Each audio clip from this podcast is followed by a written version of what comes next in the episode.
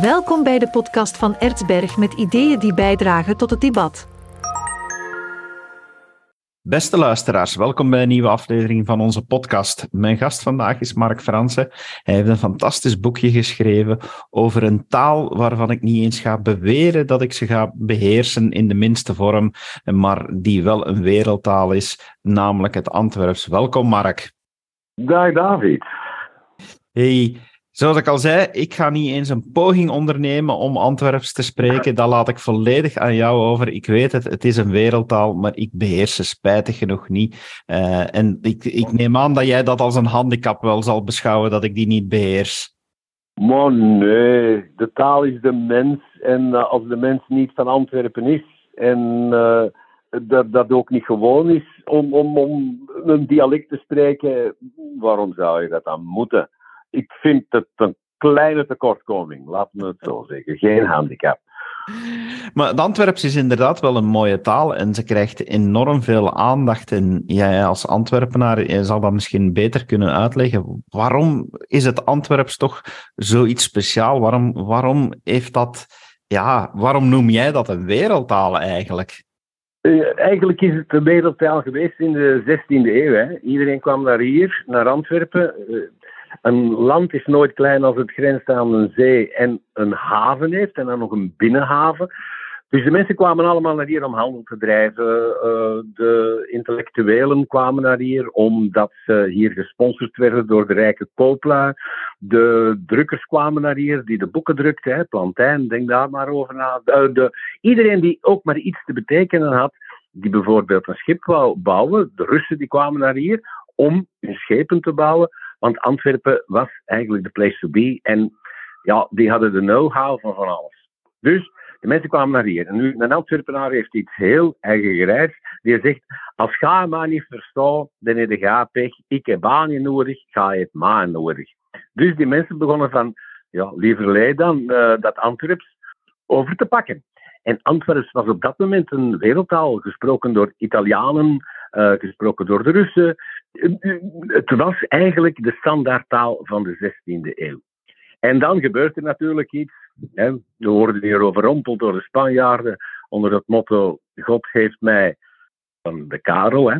Philips, excuseer, Philips, die uh, zei: God heeft mij tot koning gemaakt. Uh, dat is mijn goddelijke opdracht. En ik uh, ga jullie ja, geld vragen om mijn leger te kunnen financieren. En iedereen die dacht van, oh, ga niet met mij. Eerst en vooral moest je katholiek zijn, dus de niet-katholieken, die waren al lang weg, want anders werden ze vermoord. Die vluchtten naar het noorden, naar, over de Moerdijk, naar de provincie Holland op dat moment. En iedereen met centen zei, ik kan mijn centen niet zomaar afgeven aan, aan, aan die uh, Spaanse koning die denkt dat hem de wereld in zijn macht heeft. Dus die trokken ook weg. Op dat moment wordt er ook gedacht om Philips zijn macht te breken, om de Bijbel te vertalen in een taal die iedereen kent. Want tot dan was het Bijbel gewoon in allerlei talen, maar zeker niet in het Nederlands, of in het Vlaams, of in het Hollands, of in het Antwerps, of, of in het Brabants. Dat was het niet. Dus er werd een vertaling gemaakt. Men kwam op het idee van, als wij duidelijk maken dat daar nergens in een Bijbel staat dat die Philips uh, gezonden is door God, dan gaan misschien de gewone mensen ook denken dat dat niet zo is, weten dat dat niet zo is. En de Hollanders, waar iedereen op dat moment zat met geld, die de boekdrukkunst konden betalen, alle intellectuelen die het konden vertalen, alle kunstenaars die het konden illustreren, zaten in Holland. En, die zei, en dat waren allemaal Brabanders, Antwerpenaars. En die zei, we gaan dat vertalen in de meest uh, uitgespreide taal op dit moment in ons gebied. Dat is het Antwerpse dialect, het Brabantse dialect, wat nu Antwerps is. En dan zei de Hollanders, dat is goed, doe maar, maar gaan we dan terug naar Antwerpen om dat te doen. Als je het wil vertalen om zijn macht te breken, zal je het doen in het Hollands. En sindsdien spreken wij dus Hollands. En dat, dat is eigenlijk wel spijtig, hè? Ja. ja. Als het iets vroeger was geweest, toen ze nog niet waren binnengevallen, uh, de Spanjaarden, dan hadden wij de kans gekregen om die Bijbel te vertalen in de schoonste taal van de wereld, namelijk in Brabant, in het Antwerps. En dan had iedereen, tot in de nok van Holland, tot de over de Groningen, op school Antwerps geklapt, zoals wij nu het Hollands in de scholen onderwijzen. Wat een gemiste kans. Ja, wel eerlijk. Maar er is één schoon verhaaltje. Ik, ik vertelde ook ergens in mijn boek. Er was een scribent, die moest er allemaal overschrijven, hè, dus wat die gasten hadden gedaan. En die moest dat ook uh, in letterzetting doen. Was dat toch wel een Antwerpenaar zeker?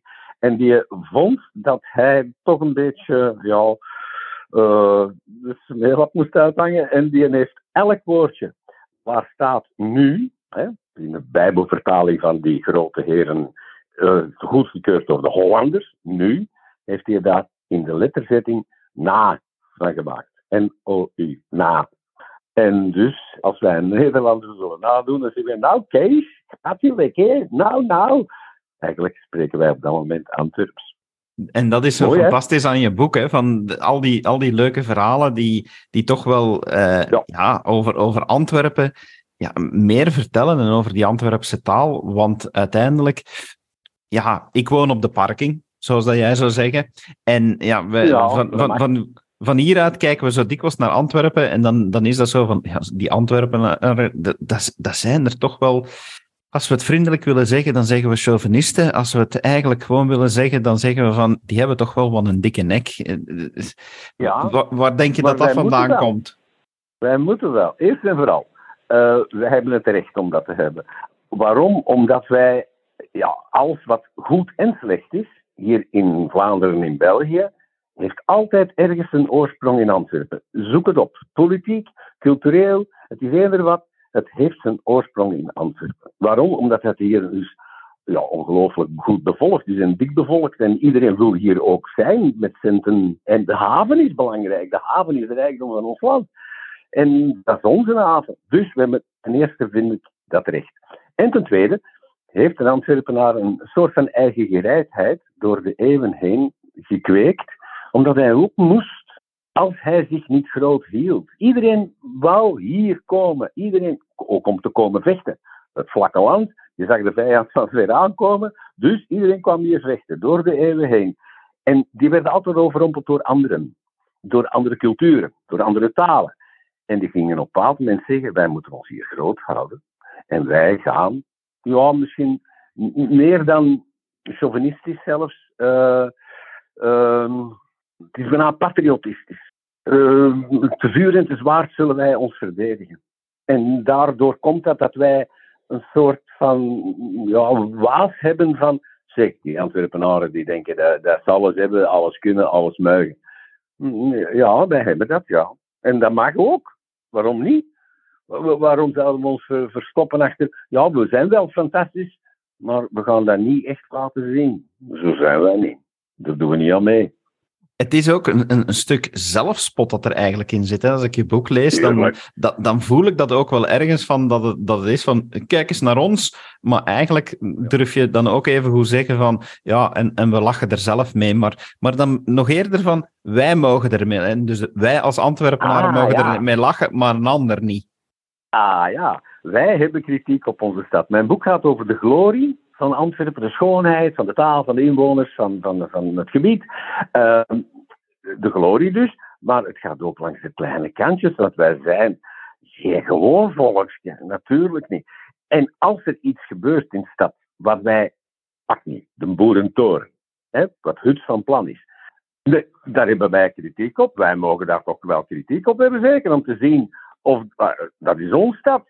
Maar begin niet als Kempenaar of als Leuvenaar of als God weet ik van waar bij je komt, kritiek te hebben op de beslissingen van onze stad. Wij mogen dat. Maar iemand anders moet zijn klep houden als het over onze stad gaat. Die hebben er niks mee te maken. Nou. Wat ik ook eigenlijk boeiend dus- vond op, op, uh, op de boekvoorstelling was, want je zegt, hè, onze stad, uh, ja, dat is, dat is de definitie van wanneer dat je eigenlijk Antwerpenaar bent, tot waar gaat die stad nu eigenlijk? Want ja, dat is ook iets dat, is, dat verandert er in de tijd. En dan hoorde ik daar de discussie van, ja, je moet daar geboren zijn en je ouders, maar is dat nog altijd een onderwerp van discussie? Ja, een beetje wel tussen de echte grote chauvinisten, maar de andere Antwerpenaren met een iets groter hart, die zeggen gewoon wat ik zeg eigenlijk. Dat heb ik ontdekt gedurende oh, heel mijn leven, zowel als leraar als als het ATV-anker, als als grunblader. Uh, ik heb ontdekt dat iedereen die een warm hart heeft Antwerpen, Je moet er niet geboren zijn. Je moet wel er wonen of toch wel dicht in de buurt wonen of er veel komen of komen werken. Maar iedereen die, die, die de, de liefde voor de stad heeft en die koestert en die omarmt en die laat groeien en die doorgeeft, maar die heeft voor mij het recht om zich Antwerpenaar te noemen. En of hij nu goed Antwerps praat of geen Antwerps praat, of, of echt langs kaantje, Antwerps klap, dat doet er toch niet toe. Als je een liefde hebt voor iemand, ja, dan, dan, ben je een deel van dat. En, en dan kan je zeggen, ja, uh, je ziet iemand geren, dus je moet alleen maar de glorie ervan vertellen. Maar nee, ook als je iemand graag ziet, ken je de kleine kantjes. En het is, Tom Lanois heeft ooit gezegd, Antwerpen is een moeilijk lief. En wel, ik zeg dat klopt. Mijn vrouw is dat ook. Waarom? Omdat ik die doodgraag zie, ondanks tekortkomingen. En nog eens, iemand die moeilijk is, vind ik interessanter dan iemand die over zich heen laat lopen. Dus, Antwerpen is mijn moeilijk lief. Mijn vrouw is een iets minder moeilijk lief over dat Antwerps. Uh, uh, een dialect tegenwoordig wordt dat altijd maar moeilijker en moeilijker. Heb ik toch de indruk om met dialecten om te gaan. Jij bent dan ook een leraar Nederlands uh, geweest. Van, hoe, hoe zie jij die verhouding nu eigenlijk tussen, ja, dan tegenwoordig praten we niet meer zozeer algemeen Nederlands, maar, maar een tussentaal in Vlaanderen. En, en dan echt een dialect, zoals het Antwerps, vind je dat dat nog altijd zijn plaats heeft? Hoe zie je dat veranderen doorheen de tijd? Eh, hoe bekijk jij dat eigenlijk? We zijn begonnen met, eh, ik ben begonnen met te zeggen, taal is mens. Als de mens verandert, dan verandert de taal. Als een taal verandert, verandert de mens. Als je meer talen kent, dan heb je toegang tot meer informatie in allerlei talen. Dus dan verander je. Ben je als mens veranderd, als je ehm, ja, ouder wordt of een vak leert, dan heb je ook een andere taal. Als wij alleen maar in contact zouden komen met de mensen dicht bij ons, wat vroeger het geval was, hè, begin uh, 20e eeuw, dan was onze hof onze wereld. Onze straten rondom ons was onze wereld. En iedereen praatte zoals ze hoorden praten, bij elkaar. Ze verstonden elkaar. De wereld is veranderd. En de mens is daardoor veranderd. En wij hebben nu contact met heel Vlaanderen. Zou moeten mankeren. Dat was toen ook al, maar dan ging het nog moeizaam. Wij hebben een taal, een standaardtaal, een eenheidstaal. Ik dat liever zo, de eenheidstaal, het algemeen Nederlands. En als ik naar Brugge ga, dan verwacht ik dat die Bruggeling tegen mij Nederlands praat, want anders versta ik er niks van. En hij verwacht van mij dat ik ook Nederlands praat. Anders versta hij er niks van. De wereld, nee, de wereld is onze tuin. De wereld is een grote tuin. We kunnen overal naartoe. Dus we moeten met de mensen communiceren om daar gelukkig te zijn. En dan praat je de taal die je gemeenschappelijk hebt, en dat is onze eenheidstaal. Het is niet erg dat het dialect verdwijnt. Dat zal, dat zal nooit gebeuren, volledig verdwijnen. Je zult altijd regionale kantjes hebben. Maar het echte Antwerp bestaat niet meer. En, en, en, maar soms, hè, soms kom je in een situatie terecht, bijvoorbeeld mijn moeder, nog niet zo heel lang overleden, als ik tien jaar geleden tegen haar zei, Moeke, de slaas staat in het vergiet op het aanrecht, dan zocht een mens daar een breuk. Maar ik moest gewoon zeggen, Moeke, de salat voor een trizij op de poembak. En dan wist zij het. Waarom zou ik tegen haar Nederlands praten? Maar als ik op tv ik heb zo het ene keer het nieuws moeten presenteren in het Antwerps tijdens de Antwerpse Week. Was zij kwaad. En dan zei ze: Jij moet Nederlands praten tegen alle mensen die naar tv kijken. Want niet iedereen verstaat het Antwerps. En dan dacht ik: Godverdomme, een slim mens, mijn moeder. Maar vind je dat er dan inspanningen moeten gebeuren om het, om het op een of andere manier te bewaren? Dat we dat, we dat toch niet helemaal kwijtraken? Dat gebeurt. Hè. Er zijn veel tons in het Antwerps. Tegenwoordig heeft het West-Vlaams uh, de bovenhand op, op uh, de nationale televisie. En dat is goed, dat mag ook. Wij hebben het in de jaren 60, 70, 80 gehad. Uh, ik, ik heb een boek geschreven. er is een, een, kerel, Freddy Michiels, die heeft boeken, boeken geschreven. Die, die, een woordenboek zelfs van het Nederlands, een klankwoordenboek zelfs. verhalen, die houdt de strangers in stand die inspanningen om de, het dialect een beetje ja, blijven omarmen, die zijn er. Maar je houdt er niet tegen. Als ik tegen mijn kleinzoon, waar ik soms kleinzonen, als ik daar tegen Antwerpen praat, dan kijken die soms eens vies en soms verstaan ze me niet. Het was koud vorige keer buiten en ik zei tegen Stan, de oudste, hij is 11 jaar, ik zeg Stan, het is koud buiten, doe, doe je frak aan. In mijn tussentaaltje. En die keek mij aan alsof ik, ja, ik weet niet wat, aan het zeggen was, die wist niet wat een frak was. Ja, oké, dan is het maar zo. Hè. Nu weet hij het. Maar is dat ook niet zo dat hij het niet weet. Er zijn alternatieven voor frak. Ik heb ze een jas laten aandoen en er is geen kou gehad. En daar gaat het om. Je moet elkaar verstaan. Even terug naar, naar het boek Tot in een Draai. Eh, die, mhm. die verhaaltjes die je geselecteerd hebt, eh, dat is inspiratie die, die je eigenlijk al lang aan het verzamelen bent, hè? Ja, ja, ja, ja. Ik uh, doe dat nu al drie jaar en een half. Ik heb er nu, ik denk dat morgen of overmorgen mijn 200ste gaat zijn. Uh, schrijf ik voor Radio Minerva, hè, de seniorenzender, de Antwerpse seniorenzender, die wereldwijd kan beluisterd worden via DAB. Schrijf ik een verhaaltje. Ik had zin om nog over mijn, nadat ik gestopt was bij ATV als nieuwslezer, had ik zin om nog over mijn stad te vertellen, maar niet meer met een journalistieke insteek, maar met een nostalgische, humoristische, geestige, een warme insteek over mijn stad te blijven vertellen. En ik ben ermee begonnen en ik heb nog geen enkele week, nog geen enkele week gehad dat ik geen inspiratie had om dat is wekelijks, dat het uitgezonden wordt.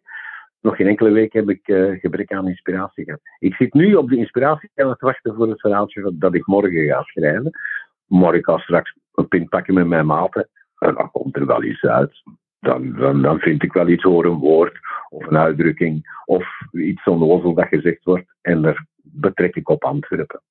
Dus het, het is niet meer objectief, het is niet meer zakelijk. daar was ik moe. Dus nu is het gewoon vanuit, ja, ja, vanuit mijn hart, vanuit mijn ziel. Wat dat ik ook heel leuk vind in de verhaaltjes die je selecteert, is dat die natuurlijk uh, een stuk van de ziel, je nahaalde het net aan, van, van het, het, is een stuk van jouw ziel dan natuurlijk ook, want, want jij kiest en jij hebt inspiratie, maar het is ook een stuk de ziel van Antwerpen dat je erin terugvindt. Hè. Het is een, een document dat, dat want we hebben het nu al, al heel veel gehad over dat dialect, maar het is niet een boek over het dialect zelf, het is, het is een boek Dat, dat echt wel over de ziel van, van de stad gaat. Hè dat is, dat is ook wel, wel heel speciaal, dat je toch ja, het gevoel krijgt van, oh, nu begrijp ik het wel wat beter. Ja, dat was zeker ook een klein beetje de bedoeling. En dat heb ik ook ergens geschreven, een klein kort stukje. Iedere Antwerpenaar die... Ik heb nog geen enkele Antwerpenaar ontmoet of, op uh, Facebook of op, Twitter horen zeggen: wat voor een onnozel een boek is dat? Wat zei je nou allemaal? Dat is geen aanzwaar, geen aanzwaar meer. Eigenlijk niemand kom ook nooit iemand tegen die dat, die dat zegt of die dat. Goed. Uh, wat was ik? uh, maar het is ook zo.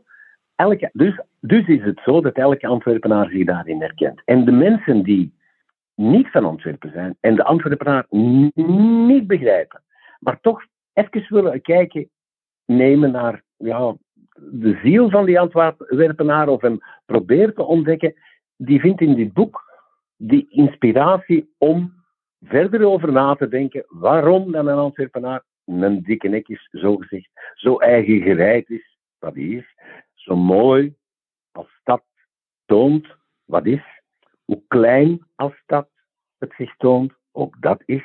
Het, zijn, het is niet alleen de glorie, het zijn ook de kleine kantjes. Dus je, en, en ik gebruik ongelooflijk veel overdrijvingen om het iets duidelijk te maken. En daarna ga ik die overdrijving een klein beetje afbouwen en met mezelf lachen. En ik denk dat je dan beseft wat een Antwerpenaar echt is als je het boek hebt gelezen. En dus, je moet het niet alleen lezen, hè, want je zult denken, oh, Antwerps lezen. Je hoeft niet. Het is ook een luisterboek. Er staan QR-codes in. Als je die scant met je smartphone, dan kan je de verhaaltjes horen.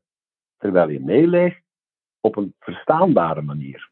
Want in mijn transcriptie van het Antwerps heb ik geprobeerd zo dicht mogelijk bij het oorspronkelijke woordbeeld te blijven. En met kleine accentjes een, een soort van, uh, ja, fonetisch, maar het is niet echt en ook niet zelf niet fonemisch teken te geven van, van hoe de klank echt klinkt.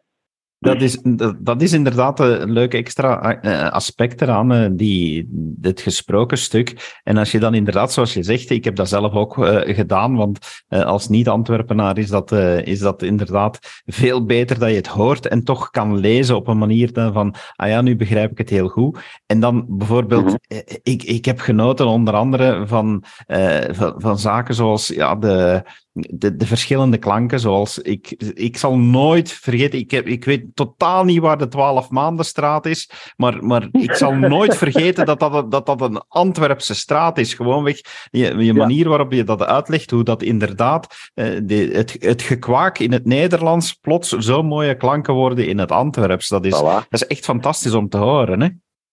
Ik zal eerst en vooral zeggen wat een 12 maanden straat is. Als je op de meer komt en je wilt naar de handelsbeurs gaan, even de prachtige gebouwen, hè, middeleeuwse gebouwen, uh, nee, na de middeleeuwen, uh, gebouwen van Antwerpen, waar de beurs was, de handelsbeurs. Dat klein straatje, dat is de 12 maanden straat. Drie keer een A, een scherpe A in het Nederlands, 12 maanden straat. En bij ons is dat drie keer ook 12 maanden straat met A's. Maar als we het uitspreken is het 12 munde stroop. Of strop. Of stroop. Dus dan mag je nog iets kiezen. Dus zijn, ja, eh, het Antwerps heeft zoveel schone klanken, en dat bewijs ik in mijn boek. Het Antwerps heeft zoveel schone klanken dat ze letters tekort komen in het alfabet. Ja, die, die hele discussie ook over, over ja, uh, eh, 50 of 50 en, en, en dergelijke. Ja, 50. Uh, ja, er zijn zoveel discussies. Met de Groenblabers, allemaal Antwerpenaren, of toch degene die, zoals ik een Antwerpenaar, een Antwerpenaar noemt, die, die, die, liefde voor de stad heeft en voor de taal heeft. Hè. De Groenblabers, hoop je bekende BV's, bekende BA's, bekende Antwerpenaren, um, die hebben ook discussies. Is het naar sloot, hè, het Nederlandse woord sloot, is dat naar sloot of slout? Nou, ik zeg dat het slout is. En ik heb daar een aantal bewijzen voor, zelfs uh, etymologisch, maar dat, doet er allemaal niet toe, die etymologie. Dat is ook maar giswerk voor velen. Het heeft te maken met de dubbele O. En die vroeger geschreven werd, hè, sloten, hè, en sloten, uh, kolen en kolen. Je hebt koelen en je hebt kuilen. Die ene is met dubbele O, de andere is met één O in het meervoud. Geschreven vroeger. Standaardtaal heeft daar komaf meegemaakt, het is nu eens. Dus dat verdwijnt sluiten sloten. Iemand zegt zelfs, ik heb een sproeks, ik zal eens een sproekje voorlezen. Een sprookje voorlezen, een sprookje gaan we. Want je spreekt met iemand, ik heb met iemand gesproken. Maar als je een sprookje wilt zeggen, dan zeg je dat sprookje zeker. Als je maar, zegt me, als, het een sprookje, een schoon sprookje is, en het is een Antwerpen sprookje, en dat doet dat met liefde, dan mag je een sprookje zeggen. Dat is, dat, dat, is ook zo leuk, hè, van, van als je dan inderdaad ernaar luistert. Dit is echt een, een feel-good boekje. Hè, van, van dit, dit, je kan dit niet lezen en beluisteren zonder dat je een glimlach uh, op je gezicht krijgt. Ja, ik, heb, ik, heb, ik, kan, ik zit hier voor de computer, dus ik moet even direct op. Uh, ik heb iets uh, binnengekregen van iemand en die leest veel. Hij heeft een boekenprogramma op Eclipse TV. En die zegt op een bepaald moment van, een momentje, en ben aan het zoeken. Oh, mensen toch, waar staat dat? Tot in een draai is ook een heel gezellige kennismaking met de ziel van de Antwerpenaar. Voor sommige senioren een opfrissing, voor niet-senioren een openbaring. En dan, het laatste vind ik nog mooier, het is een lust om er aan elkaar stukjes uit voor te lezen. En met een glimlach te gaan slapen of aan de dag te beginnen. Dat is toch het schoonste compliment dat je kunt krijgen van een lezer. Ja, ja, dat is inderdaad. Want ik wou het je net eigenlijk vragen, welke reacties krijg je zoal? Uh, je hebt dan deze, maar uh, je hebt ook al heel wat gaan signeren. Dus ik neem toch wel aan dat er, dat er al behoorlijk wat mensen gereageerd hebben op, op het boek. Ja, en ze zijn allemaal ja, echt zo, ja, ze keken er naar uit, want ik heb er een maand lang reclame voor gemaakt voordat het boek uit was. Dus die zaten echt op hun honger. Uh, de eerste druk, David, was in één trek uitgekocht. Op de voorstelling van het boek, de avond, en hij was op dat moment nog maar één dag in de boekhandel, kwam jij in mijn oor fluisteren. Ik heb nu met uh, spoed de tweede druk besteld. Want iedereen begint te vragen: waar is hem, waar is hem? Ik heb er maar. Ik heb gaan signeren. Er stond een lange rij en dat was in de vlak. niet alleen een FNAC aan zingen, maar in de FNAC de eerste signeersessie. Uh, er stond een immense grote rij. Die hadden 30 boeken besteld. Uh, om half, ik moest tot vijf uur signeren. Om half drie uh, was, half vier was, ja, waren de boeken op. En die mensen moesten op hun honger blijven zitten, want er waren geen meer. En die waren zeer teleurgesteld, maar die zullen die dan later wel hebben gekocht. Is één iemand die me op Facebook eventjes, maar, maar heel eventjes maar, um, aanpakte en zei, tot in een draai, tot in een draai, dat, dat is geen Antwerps, dat is Zeeuws. Nee, dat is Brugs. Nee, dat is niet Brugs, dat is Zeeuws. Ik kan het u vertellen, het is een Zeeuwse uitdrukking uit Zeeland, toen de matrozen vertrokken, dat ze zeiden, mannen, we zien elkaar terug als je terug de draaiing komt. Dus tot in een draai. Maar elk zeevarend volk in de Antwerpenaren zijn dat, Bruggelingen ook, Oostendenaren ook. Die, uh, iedereen die iets met de zee te maken heeft, die gebruikt die uitdrukking in zijn eigen dialect. Dus dat is het enige wat ik ooit heb gekregen. Het is niet Antwerps, die uitdrukking. Maar daar heb ik dan een verhaaltje over geschreven.